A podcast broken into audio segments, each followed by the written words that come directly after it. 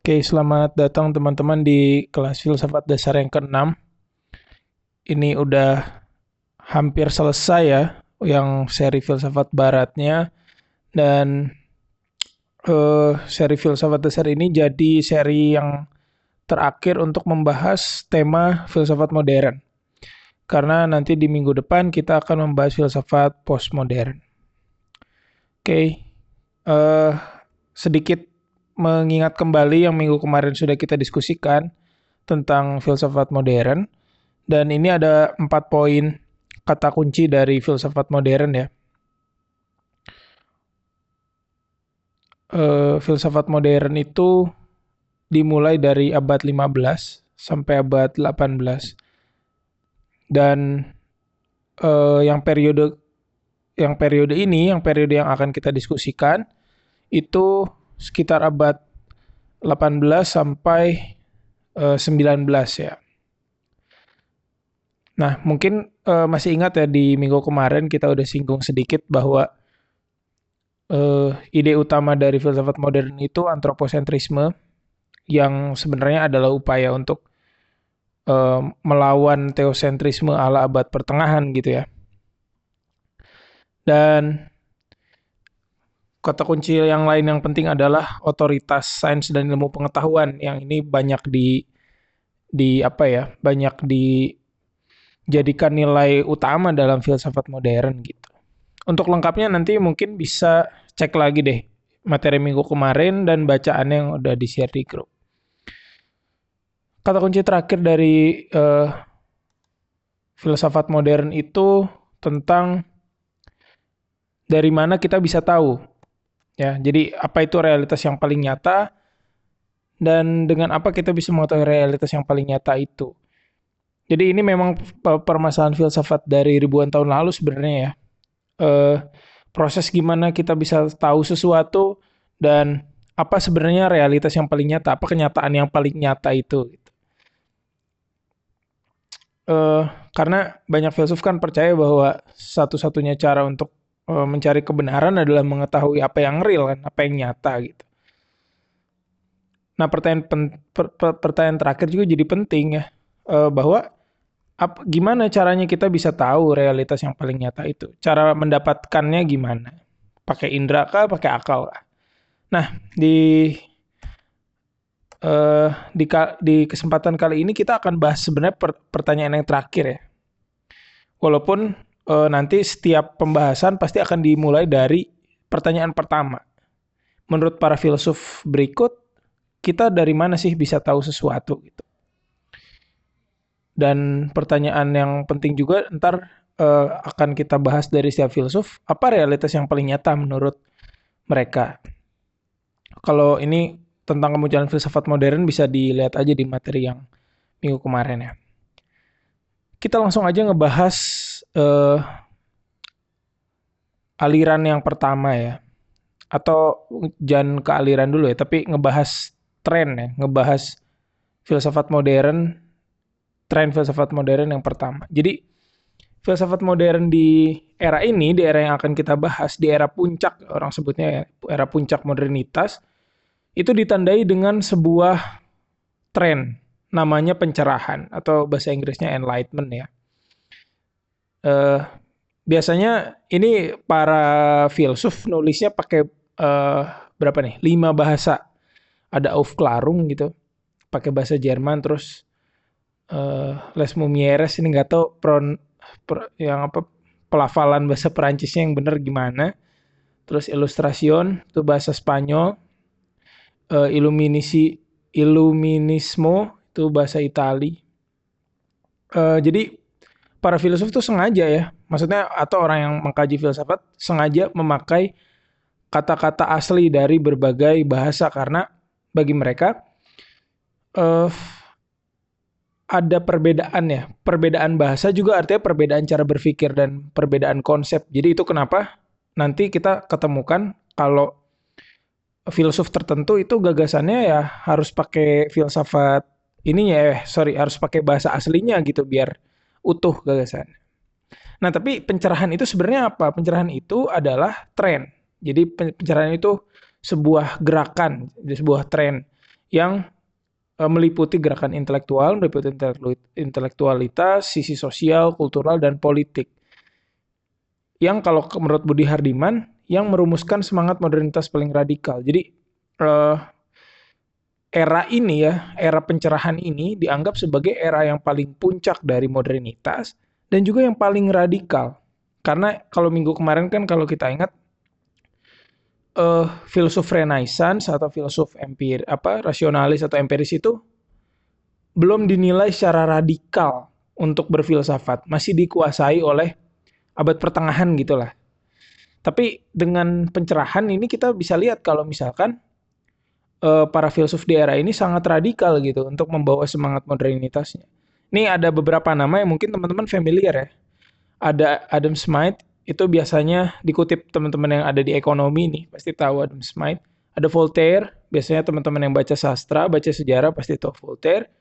Ada Montes, Montesquieu ini biasanya kita dengar nama dia di pelajaran PKN nih, Montesquieu. Terus ada uh, Rousseau, Rousseau ini juga uh, biasanya kita dengar di PKN gitu ya, karena dua-duanya filsuf politik gitu ya.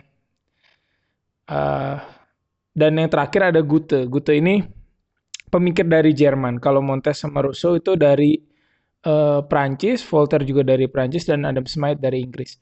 Tiga tiga eh, tiga negara tadi, tiga bagian di Eropa tadi mewakili sebenarnya teman-teman, mewakili pencerahan yang terjadi di uh, era itu di abad 18 eh, akhir menuju 19. Dan Adam Smith, Voltaire, uh, Montes, Rousseau sampai Goethe ini mewakili sebenarnya gambaran utama dari filsuf era pencerahan.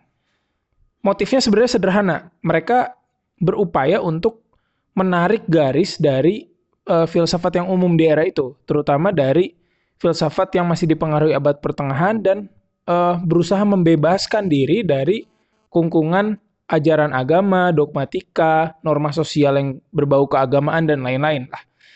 Jadi mereka mencoba menghasilkan alternatif baru dengan menghasilkan pikiran yang independen, lepas dari agama gitu, lepas dari norma yang umum dan norma yang dipengaruhi dari abad pertengahan. Dan ya itu uh, apa ya era pencerahan ini mungkin sampai sekarang masih orang-orang Eropa banggain ya. Karena mereka melihat kalau era ini tuh era yang puncak gitu dalam peradaban barat dan sampai sekarang ya mereka masih ini aja gitu, masih membanggakan sejarah di era ini karena memang pencapaiannya luar biasa juga gitu. Nah, ini sekilas saja tentang abad pencerahan yang sebenarnya apa ya, yang sebenarnya menentukan banget dalam sejarah uh, dunia kita, bahkan dalam sejarah Eropa, khususnya sejarah filsafat dan pemikiran gitu. Semenjak era inilah filsafat benar-benar 180 per 180 derajat berbeda dari sebelumnya dan menjadi apa ya? menjadi sebuah bidang, filsafat itu menjadi bidang di mana semua orang bisa mengekspresikan apa yang ingin dia pikirkan dan bisa dengan bebas berpikir. Itu semenjak abad pencerahan ini. Dan di sinilah sebenarnya ilmu-ilmu yang kita pelajari hari ini di sekolah atau di kuliah lahir secara metodologis ya, walaupun memang dari zaman ribuan tahun lalu udah ada ilmunya secara praktis, tapi secara metodologi, secara struktural. Di era inilah kita menemukan ilmu-ilmu gitu ya. Sosiologi, kayak sejarah yang kritis, kayak sejarah metodologis, ilmu pendidikan mulai dikembangin secara serius gitu misalkan. Ilmu sastra juga, ilmu medis, ilmu ekonomi, pokoknya semua eh, peradaban barat yang kita nikmatin sampai hari ini, bahkan Google Meet gitu algoritma yang kita nikmatin sampai hari ini tuh bisa kita lacak kelahirannya di era ini. Makanya itu penting banget di era ini untuk kita baca bersama ya. Langsung ke filsuf yang paling berpengaruh di era uh, pencerahan dan sampai pasca pencerahan. Ini dia Immanuel Kant. Immanuel Kant ini orang Jerman juga sama seperti Goethe tadi. Dan beliau dianggap salah satu salah satu pemikir filsafat barat yang paling besar. Orang kalau bicara filsafat modern ya, di bukunya itu pasti um, menulis filsafatnya kan itu khusus satu bab gitu satu bab khusus. Jadi kalau filsuf-filsuf lain jadi sub bab doang ya misalkan. Kalau kan itu enggak kan itu pasti khusus lah babnya satu bab khusus kan ya karena sepenting itu gagasannya dalam filsafat modern. Uh, kita mulai menguliti Kant. Uh, jadi Kant itu sebenarnya juga filsafatnya berangkat dari pertanyaan yang klasik yang kita jadikan awal diskusi, jadikan pokok diskusi ya dari minggu lalu gitu. Apa itu realitas yang nyata? Apa itu kenyataan yang paling nyata? Dan proyek filsafatnya kan emang nyari jawaban atas pertanyaan itu. Pertanyaan kedua, bagaimana saya bisa tahu sesuatu itu nyata? Bagaimana saya tahu sesuatu itu bisa bisa benar? Bagaimana saya uh, bisa menjamin pengetahuan saya akan sesuatu itu hal yang benar. Gitu. Itu juga pertanyaan yang akan cari jawabannya. Dan pertanyaan ketiga ini yang nggak saya masukin, cuma penting juga. Bagaimana saya bertindak yang benar? Nah itu juga termasuk bahasannya kan nanti dalam filsafat etika. Cuma kita nggak akan ngomongin itu hari ini. Yang pertama gini, uh, filsafatnya kan itu bisa dilihat sebagai titik temu antara empirisme dan rasionalisme. Nah teman-teman bisa recall nih ke seminggu ke belakang tuh kita udah bahas ya apa itu empirisme, apa itu rasionalisme. Dan untuk teman-teman yang minggu kemarin gak sempat dengar, uh, mungkin kita bisa bahas singkat aja. Empirisme itu aliran filsafat yang percaya bahwa realitas yang nyata hanya bisa diraih dengan uh, indera, pengetahuan indrawi ya. Dengan mata, telinga, uh, kulit, dan semua indera kita ya, indera kemanusiaan kita. Itu empirisme. Kalau rasionalisme itu aliran filsafat yang percaya bahwa akal, rasio, itu satu-satunya cara untuk meraih realitas yang nyata. Jadi faktor tadi, faktor empiris, faktor indrawi itu nggak terlalu penting. Karena yang lebih penting itu akal, rasio kita. Nah, filsafatnya kan itu berusaha mempertemukan dua aliran yang bertentangan ini. Dan inilah kenapa dia jadi penting. Karena dia berhasil ya, oleh beberapa pemikir di, dianggap berhasil untuk uh, mencari sintesa ya. Sintesis itu titik temu antara empirisme dan rasionalisme tadi. Titik uh, apa ya? Uh, kunci penting dari filsafat Kant berikutnya namanya transcendentalisme. Jadi Kant percaya uh, realitas yang nyata itu juga ad, bukan hanya ad, bu, maaf, bukan ada dalam dunia sehari-hari kita. Realitas yang nyata itu bukan uh, hadir dalam kenyataan fisik sehari-hari yang kita temuin. Enggak. Kalau menurut kan realitas yang nyata itu transendental sifatnya atau ada di dunia luar. Jadi dia filsafat kan ini filsafat yang yaitu walaupun dia mempertemukan empiris dan rasionalis cuma tetap rasionalis juga ya ada sisi rasionalisnya yang yang besar juga untuk untuk untuk bilang kalau uh, kenyataan itu ada di luar dunia fisik gitu. Atau orang juga nyebutnya apa uh, kenyataan itu adalah kondisi yang murni gitu. Kondisi murni itu artinya nggak nggak nggak tercampur oleh uh, carut marut dunia fisik ini. Dia ada di dunia luar sana, dunia ide luar sana. Gitu. Jadi itu ya dua titik penting filsafatnya kan sebenarnya. Nah poin berikutnya gini kan itu terkenal juga dengan konsep kritik.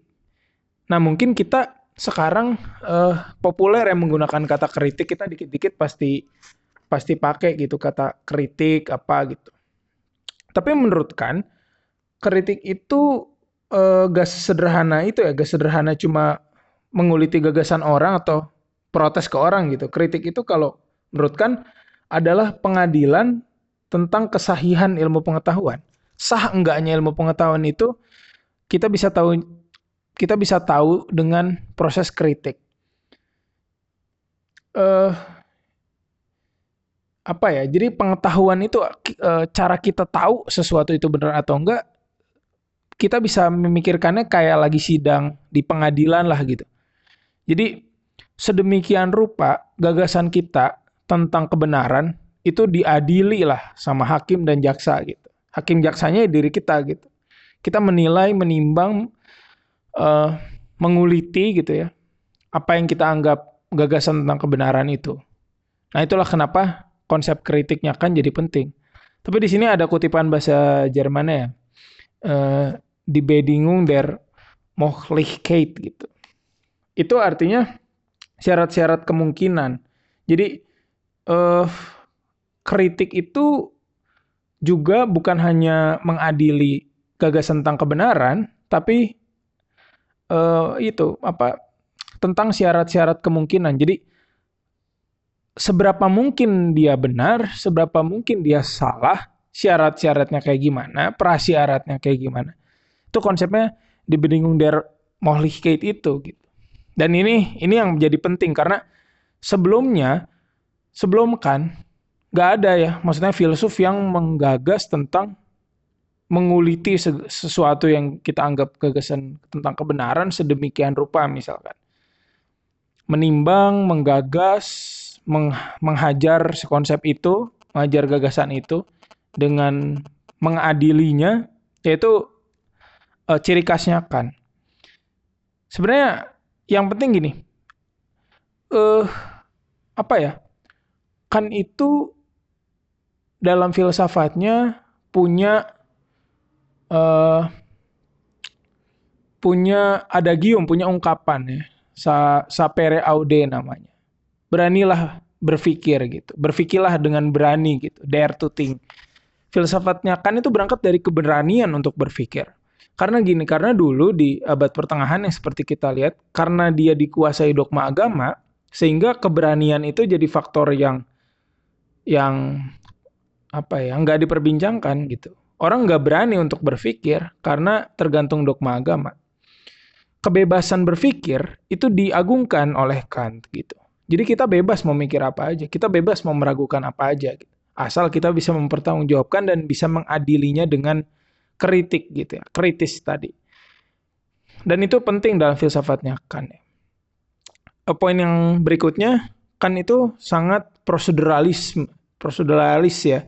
Jadi kan memen lebih mementingkan cara dan metode untuk mengetahui kebenaran, mengetahui yang nyata, ketimbang mem memperdebatkan kenyataan itu apa. Nah ini yang menarik juga ya.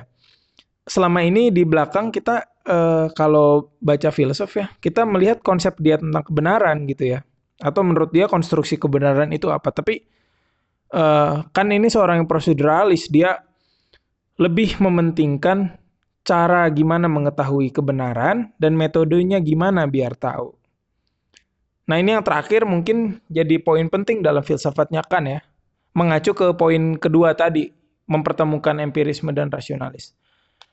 Jadi kan uh, menelurkan gagasan ya, yang penting itu das Ding ansih. Itu sering banget di orang-orang kutip gitu, ansih. Das Ding ansih ini uh, terjemahannya mungkin yang paling dekat uh, apa ya se, se sebenar uh, benda pada dirinya gitu. Mungkin itu ya tapi nanti coba kita kulitin sedikit ya ini. Menurut kan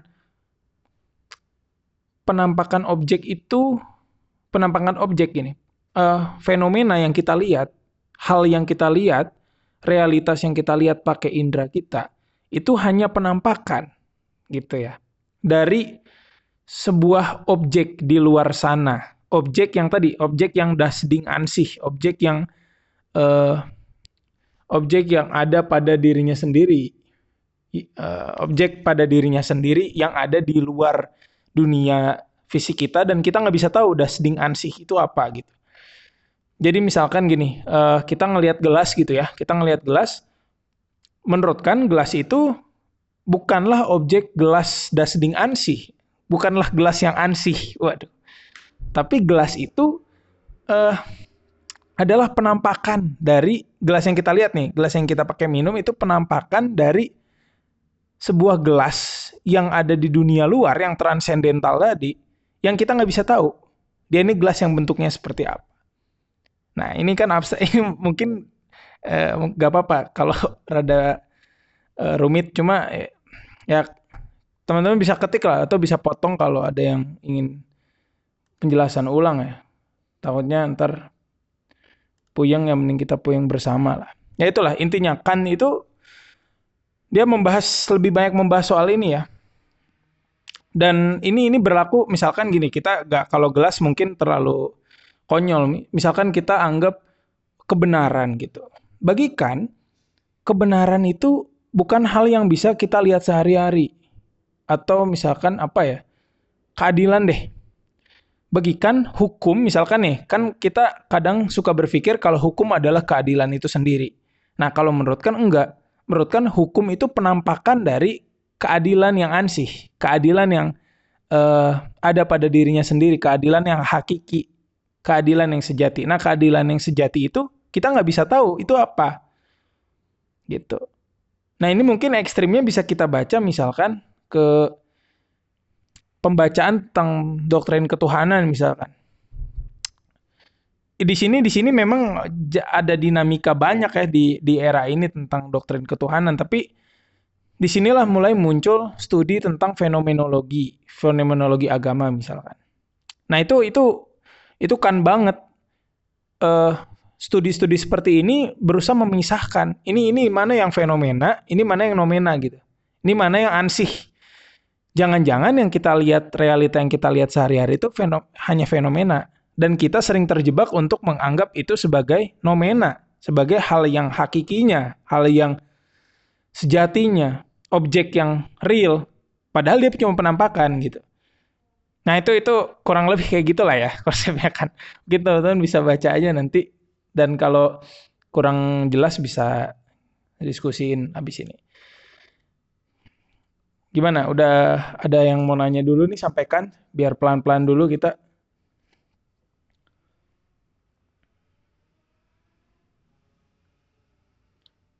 Kayak udah kayak udah udah lumayan jelas ya. Cuma intinya gitu ya. Jadi uh, realitas bagikan itu bukan hal yang bisa kita lihat secara empiris aja. Gitu ya. Walaupun memang yang empiris itu penampakan dari objek, ia bagian daripada objek itu. Dia bagian daripada hal yang hakikinya. Hukum itu bagian dari keadilan toh.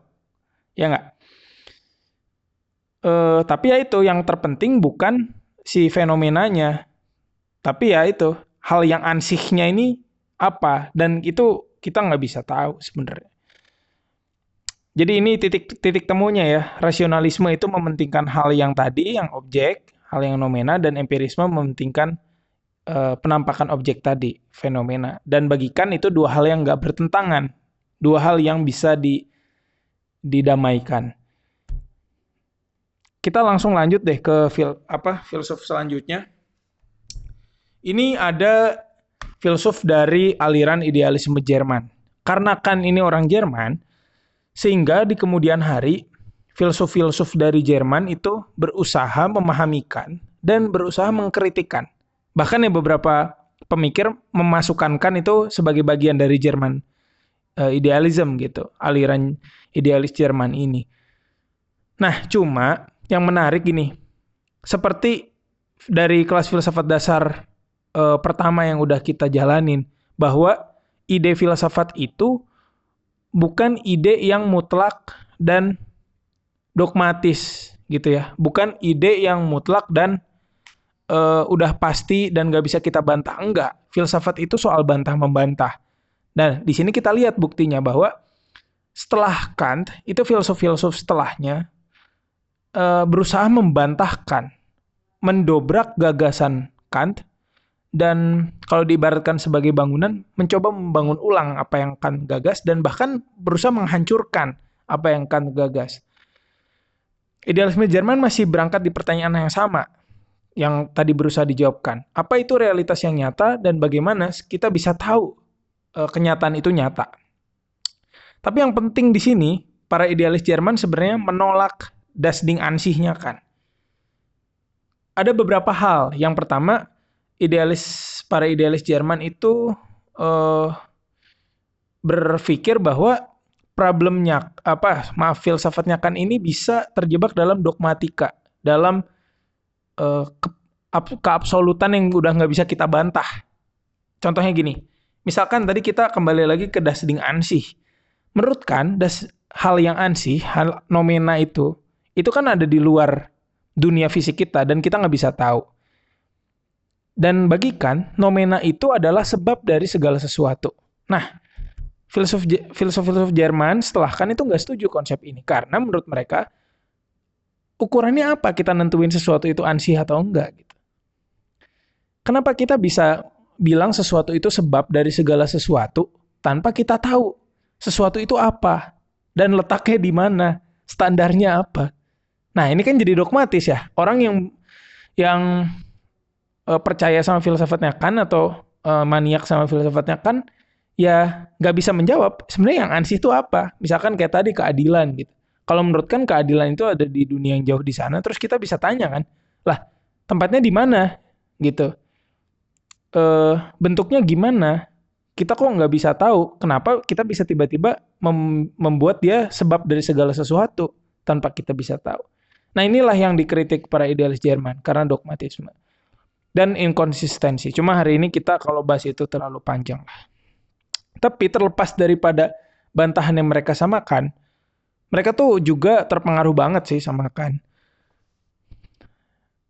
Tapi mereka titik ekstrimnya gini, mereka menganggap dunia material dan pengalaman yang empiris itu uh, adalah produk dunia ide. Dan nggak penting lah kita ngebicarain yang empiris, karena yang penting dunia ide ansih tadi sebenarnya dunia di luar sana dunia yang transendental itu yang penting kalau pak kata idealis Jerman gitu. Ini mungkin kita nggak nggak banyak bahas ini ya biar menghemat waktu. Tetapi ada tiga filsuf penting nih di sini. Kalau teman-teman pengen catat dan pengen baca di PDF udah ada ya. Ada yang pertama tuh uh, Fichte, yang kedua ada Schelling dan ada Hegel. Nah ini kalau anak-anak sejarah wajib gitu baca dialis Jerman ya terutama Hegel. Uh, bagi mereka ide, makanya namanya idealisme karena kan berangkatnya dari ide. Bagi mereka faktor yang paling penting dari realitas itu ya tadi bukan pengalaman, bukan hal fisik, bukan ada dunia material tapi ide. Nah, ide ini memang kalau kita pengen bedah ya, konsep idenya menurut tiga-tiganya memang beda. Cuma ide ini artinya sebuah apa ya sebuah hal yang metafisik, sebuah hal yang nggak kelihatan dan ada di dunia yang jauh gitu, ada di di luar dunia fisik gitu. Nah, sehingga ini poin terakhir mungkin bi biar kita kebayang, sehingga memang mereka ini dominan wacananya adalah wacana teologi dan metafisika. Banyak dari mereka yang memang lulusan teologi ya belajar uh, agama Kristen lah anggaplah. Jadi memang uh, peng, apa ya semacam bentuknya filsafat ketuhanan ala abad pertengahan lagi cuma mereka versi advance saja kalau kata uh, Bertrand Russell gitu ya. Jadi mereka versi yang lebih maju dan rasional dan mencangkup keseluruhan realita kita, bukan hanya filsafat uh, metafisik yang kering di abad pertengahan itu. Mereka membawa metafisika ke, kepada uh, pencapaian yang lebih tinggi lagi gitu.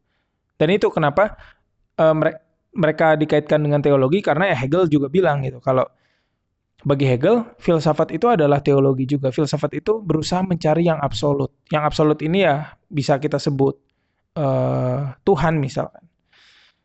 Tapi Tuhan di sini bukan Tuhan yang kita percaya dalam agama ya teman-teman. Tapi uh, kekuatan supranatural di luar sana yang mengendalikan realitas gitu. Jadi ini bukan konsep Tuhan yang Tuhan misalkan Tuhan versi Kristen, Tuhan versi Islam, Tuhan versi Buddhis, enggak gitu.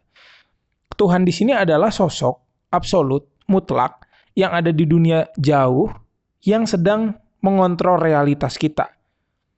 Gitu ya. Jadi Tuhan di sini mungkin bisa dibedakan ya dengan Tuhan dalam tanda kutip Tuhan yang uh, agamawi gitu ya. Tapi di Tuhan yang di sini lebih ke Tuhan yang uh, sebagai sosok absolut yang yang menjadi sebab dari segala sesuatu dan menggerakkan sesuatu, menggerakkan realitas juga. Tuhan di sini memang bisa berbagai macam bentuknya ya. Jadi kalau Hegel uh, bilangnya ada konsep gaze gitu. Z gaze mungkin teman-teman akrab kok istilah Z gaze itu zaman ya. Eh maaf itu jiwa gitu. Kalau terjemahan Indonesia atau roh. Makanya terjemahan Indonesia untuk roh absolut itu mengacu ke konsepnya Hegel. Cuma ini gak kita bahas detail deh. Ini mungkin bisa ke mana-mana. Cuma itulah intinya ya. Uh, filsafat ini berusaha mengkritikan tapi dari sudut pandang idealisme gitu ya. Mungkin teman-teman bisa mengkaitkannya dengan Plato ya di filsafat Pertama kita bahas Plato. Dan ini pemikir-pemikir ini akrab lebih dekat ke Plato daripada Aristoteles. Karena mengutamakan hal yang absolut mutlak di luar sana di dunia ide. Selanjutnya, ini versi lawan dari idealismenya. Namanya positivisme. Kalau idealisme itu percaya realitas itu disebabkan karena sosok yang absolut, sosok maha absolut tadi. Sebaliknya, positivisme percaya kalau kenyataan kita itu adalah hasil material, hasil dari pengalaman objektif di dunia fisik kita. Jadi nggak ada hubungannya gitu kenyataan tuh sama Tuhan, sama dunia yang jauh di sana nggak ada gitu. Ya kenyataan itu apa yang ada depan mata kita kenyataan. Tapi sama-sama mereka menolak konsepnya uh, kan tentang dasding ansi karena faktualitas sama. Tapi ntar mungkin bisa kita bahas lain kali lah soal ini. Jadi kepanjangan. Tapi yang menarik ini poin keempat dari Budi Hardiman. Beliau bilang kalau positivisme ini sebenarnya ahli waris empirisme. Cuma bentuknya lebih radikal lagi. Jadi kalau empirisme itu percaya bahwa kenyataan bisa diraih melalui dunia fisik, melalui empirisme, melalui indera kita. Kalau positivisme lebih radikal lagi. Enggak, kenyataan itu ya dunia fisik.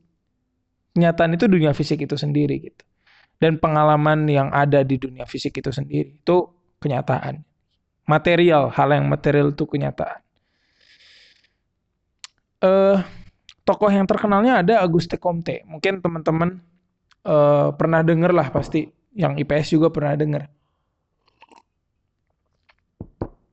Comte itu kalau di IPS ya mungkin teman-teman belajarnya dia ini bapak sosiologi. Tapi sebenarnya nggak tepat banget kalau bilang secara mentah Comte ini bapak sosiologi. Karena Comte nggak bilang sosiologi itu seperti konstruksi kita sekarang tentang sosiologi. Comte itu ekstrim menurut Comte sosiologi itu bukan sosiologi dalam tanda kutip yang kita pahami hari ini tapi fisika sosial.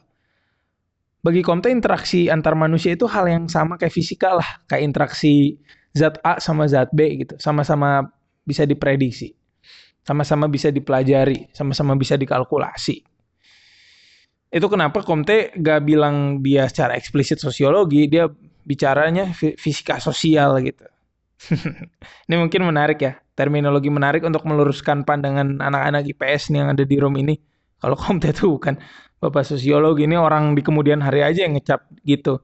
Biasanya dia fisika sosial. Nah, yang menarik ini kenapa penamaannya fisika sosial? Karena menurut Comte, ilmu pengetahuan itu omong kosong lah kalau bicara hal yang nggak terukur. Hal yang nggak positif. Positif ini dalam artian terukur ya dan bisa diperhitungkan gitu. Ilmu pengetahuan itu omong kosong lah kalau cuma bicara hal metafisik kayak Hegel tadi atau teologi kayak di abad pertengahan. Itu omong kosong gitu. Menurut Comte, ilmu pengetahuan itu pasti uh, bersifat matematis, terus uh, bersifat fisik, kimiawi, fisiologis, biologis, dan hal yang fisikal gitu ya, hal yang ada di dunia fisik kita. Itu kenapa nggak mungkin kita bisa tahu apa yang ada di luar dunia fisik. Nah, ini nanti yang sebenarnya pengaruh positivisme ini yang paling kerasa sampai hari ini gitu di zaman kita ketika semua kenyataan, semua uh, konstruksi kita tentang kenyataan, pemahaman kita tentang kenyataan itu hanya tentang hal matematis, uh, kimiawi, fisiologis, biologis, astronomis, sehingga ya menurut mereka kenyataan itu ya bisa dijelaskan oleh sains gitu. Dan nggak perlu hal lain selain sains untuk menjelaskan kenyataan. Dan sampai hari ini kan kita gitu ya. Misalkan gini. Misalkan nih uh, seorang yang kita seorang keluarga kita itu udah sekarat di rumah sakit gitu. Terus ya dokter uh, dokter lagi nanganin gitu secara medis. Ya dokter sih nggak pikir panjang gitu. Dokter nggak bilang dia sakit karena terkutuk atau apa dia dekat kematian malaikat maut ingin menyebut enggak kan dokter tuh ada hitungan medisnya. Dokter tuh tahu gitu abis ini fasenya apa sebelum mati itu pasti gini sebelum mati pasti gini hitungannya gini disuntik apa lagi biar bisa bertahan Misalkan gulanya kurang, suntik. Apa kurang, suntik. Uh, oksigennya kurang, gedein gitu kan. Nah, itu kenapa uh, hal yang hari ini kita anggap realitas itu sebenarnya ya terpengaruh oleh positivisme ini gitu. Nah, ini mungkin sedikit ya tentang positivisme. Mungkin teman-teman bisa diskusiin aja, kita lebih baik diskusi aja. Ini mungkin yang terakhir ini yang lebih penting. Di positivisme itu ada klasifikasi tahap pengetahuan. Yang pertama, pengetahuan yang tingkatnya paling rendah itu pengetahuan yang sifatnya teologis. Yang apa-apa dikaitkan ke Tuhan. yang apa-apa selalu sebab utamanya Tuhan gitu. Ya abad pertengahan kemarin lah, Aquinas lah gitu bagi Komte itu tahap pengetahuan yang paling rendah. Tahap pengetahuan yang sedang, yang menengah, itu pengetahuan yang metafisis. Kayak Hegel tadi misalkan. Atau kayak Kant tadi. Ansihnya kan itu hal yang metafisik kan.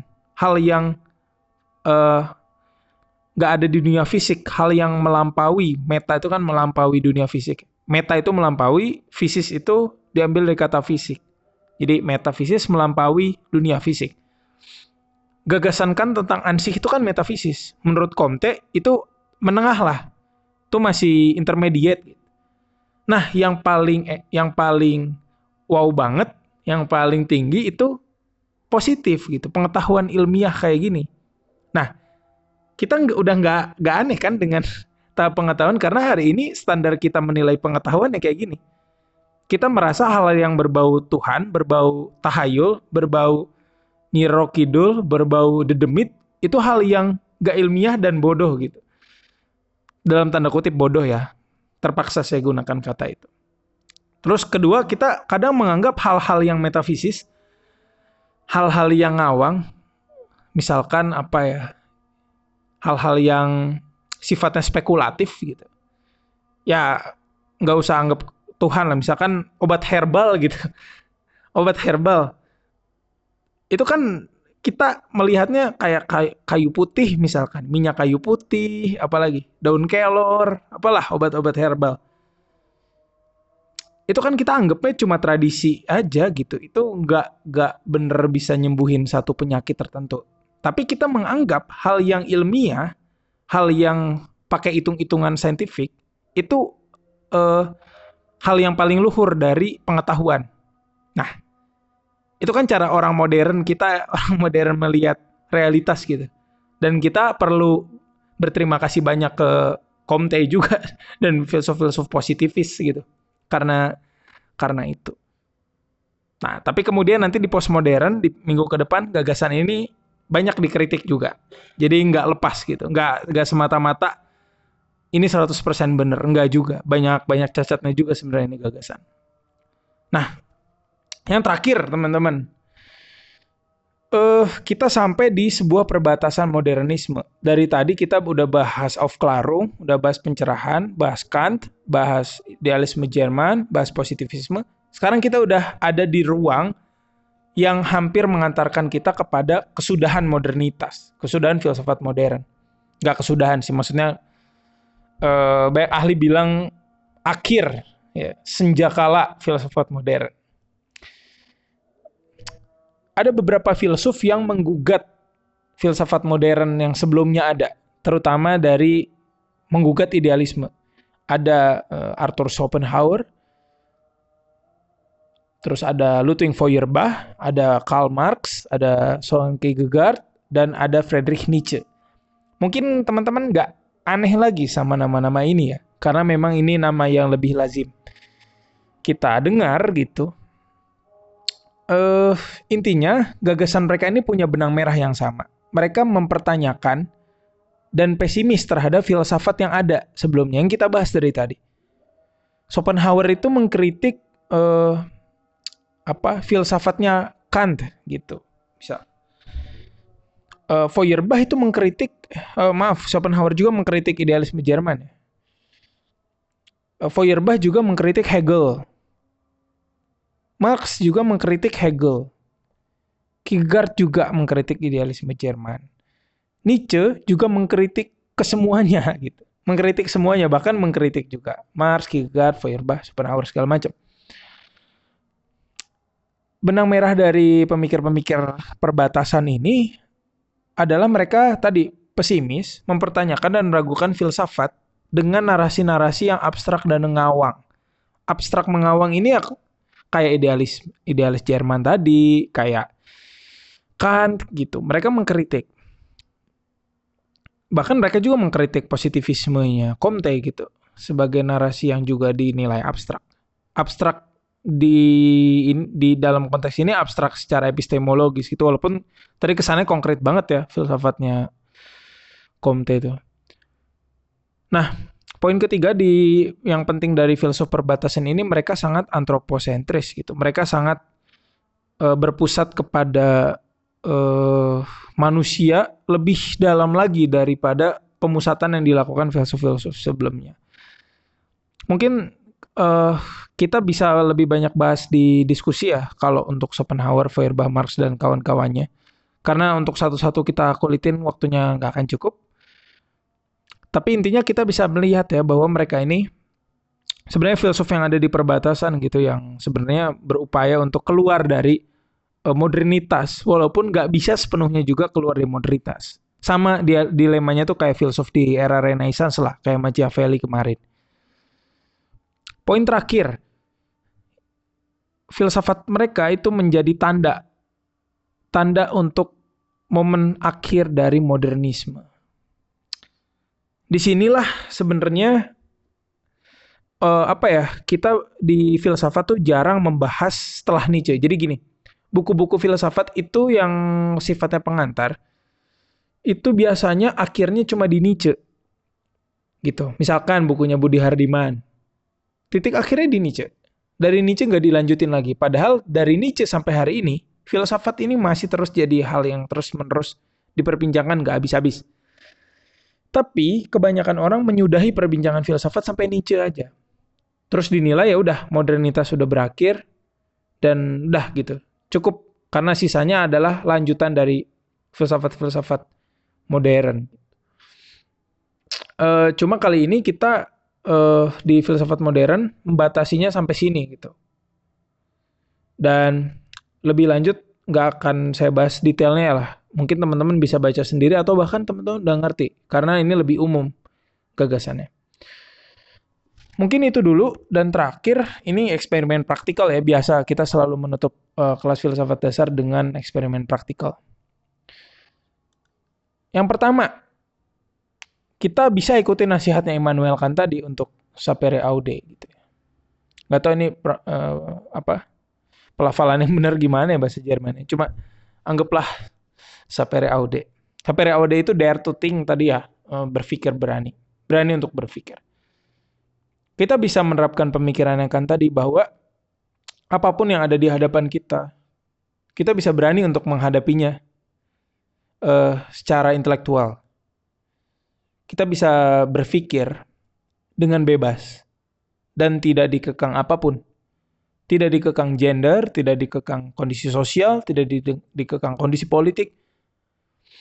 Apa pun yang menurut kita benar atau gagas tidaknya gagasan kita tentang kebenaran yang toh akan kita timbang secara kritis menurut nasihatkan tadi, yaitu tetap harus kita harus tetap kita jalani dengan semangat sapere audenya kan untuk berani berpikir berani berpikir apa pun akibatnya. Berani berkata benar, setidaknya, walaupun kita nggak tahu menurutkan kebenaran itu ansihnya gimana, cuma berani untuk berkata benar, apa pun akibatnya gitu. Itu mungkin mungkin bisa jadi refleksi kita bersama gitu. Apa pun resikonya. Poin ketiga, tidak akan ada kemajuan tanpa perdebatan. Yang dari tadi kita saksikan kan cuma perdebatan ya sebenarnya teman-teman. Dari apa yang Auf Klarung tawarkan di debat oleh Kant misalkan. Uh, bahkan kan mencoba menengahi perdebatan tapi ya akhirnya juga didebat lagi sama filsuf setelahnya sama Fichte sama Hegel sama Schelling jadi kesimpulannya ya nggak akan ada kemajuan tanpa perdebatan. Filsafat nggak akan bisa kita cerna hari ini tanpa mereka semua gontok-gontokan berdebat kan. Begitu juga kita.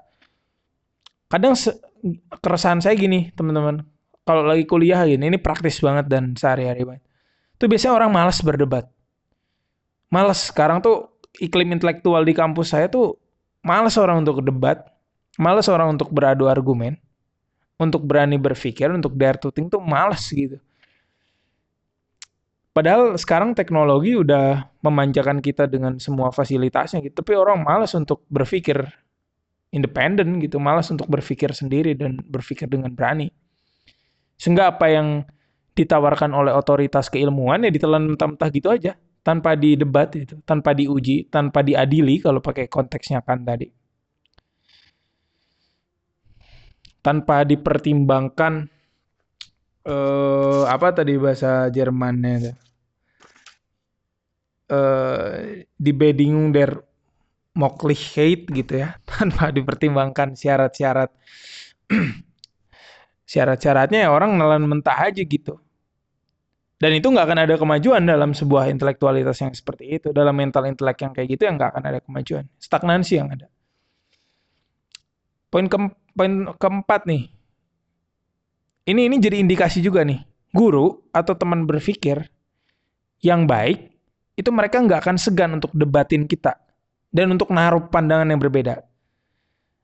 Walaupun ini yang catatan pentingnya nggak cuma sekedar ngebeda-bedain diri atau berdebat gak jelas tanpa dasar, enggak. Berdebat itu yang proper atau berbeda pandangan yang proper adalah berbeda pandangan yang didasari oleh konsep kritik ala Kant tadi, kritik Kantian tadi. Kritik untuk mengadili sebuah gagasan tentang kebenaran dengan uh, pandangan versi kebenaran juga menurut kita. Jadi kalau misalkan sebuah perdebatannya dua-duanya juga nggak misalkan satu yang menanggapi nggak nggak punya dasar apa-apa ya cuma pengen berbeda-beda eji-ejian doang ya itu bukan debat yang proper gitu. Tapi ya balik lagi kalau ada yang salah gitu dengan sebuah intelektualitas yang tidak ada perdebatan, tidak ada perbedaan pandangan dan manut-manut doang. Yang terakhir, ini yang lebih penting, ini yang paling penting. Kalau kita berfilsafat, itu bukan tentang kita mikir doang dan diskusi aja gitu. Enggak. Filsafat tuh enggak cukup kita cuma mikir, mikir, mikir, baca, baca, baca, diskusi. Enggak. Kant, Hegel, dan semua filsaf pun apa ya, semua filsuf dalam puncak filsafat modern itu mereka melahirkan gagasan, melahirkan uh, tulisan yang berjilid-jilid gitu. Jadi nggak cuma sekedar kayak aktivitas mikir diskusi, mikir diskusi, mikir diskusi, bantah-bantahan gak jelas doang, debat kusir, enggak. Mereka berani menstrukturisasi gagasannya secara kompleks. Gak perlu secara kompleks lah, setidaknya secara terstruktur aja. Nah itulah filsafat di situ sebenarnya. Jadi uh, kita bisa belajar gitu kalau misalkan setidaknya argumen kita itu untuk berbeda pandangan sama orang, untuk menghasilkan perdebatan yang sehat, untuk berpikir sendiri itu bukan argumen yang cuma kayak cuma muncul sekilas tanpa kita baca apa-apa gitu. Enggak. Tetap kita harus uh, taat kepada bacaan, taat kepada pemikiran yang terdahulu ada, sehingga di situlah nanti gagasan orisinal kita lahir. Nah ini yang terakhir, kadang orang salah kaprah tentang gagasan orisinal ya teman-teman orang tuh kadang mikir gini, original itu ketika kita nggak pernah baca apa-apa, terus kita berkomentar, itu original. Nah ini salah kaprah orang. Sedangkan orang yang banyak ngutip buku, orang yang baca buku, itu dianggapnya nggak original. Nggak original gagasannya. Padahal, originalitas itu lahir ketika kita udah nyicipin banyak gagasan. Ibaratnya chef gitu. Ibaratnya koki gitu. Koki nih ya, mau ngasilin hidangan sendiri. Ya nggak mungkin tiba-tiba lahir dari luang kosong dong. Oh ini bumbunya ini, ini, ini, ini tanpa ada referensi gitu. Terus bikin aja gitu. Ya nggak bisa. Filsuf juga gitu, pemikir juga gitu. Dia selalu mencoba dan mencicipi gagasan-gagasan uh, pemikir sebelumnya gitu. Atau bahkan lebih lebih lebih perlu dilakukan lagi mengkritik gagasan mapan sebelumnya lahirlah sebuah gagasan baru yang dilandasi dari apa yang sudah ada sebelumnya, entah itu dibangun ulang, dihancurkan, tapi gagasan sebelumnya jadi penting untuk titik berangkat kita. Mungkin itu uh, kelas kali ini cukup panjang juga ternyata. Boleh di recordnya, boleh diudahi dulu Tika.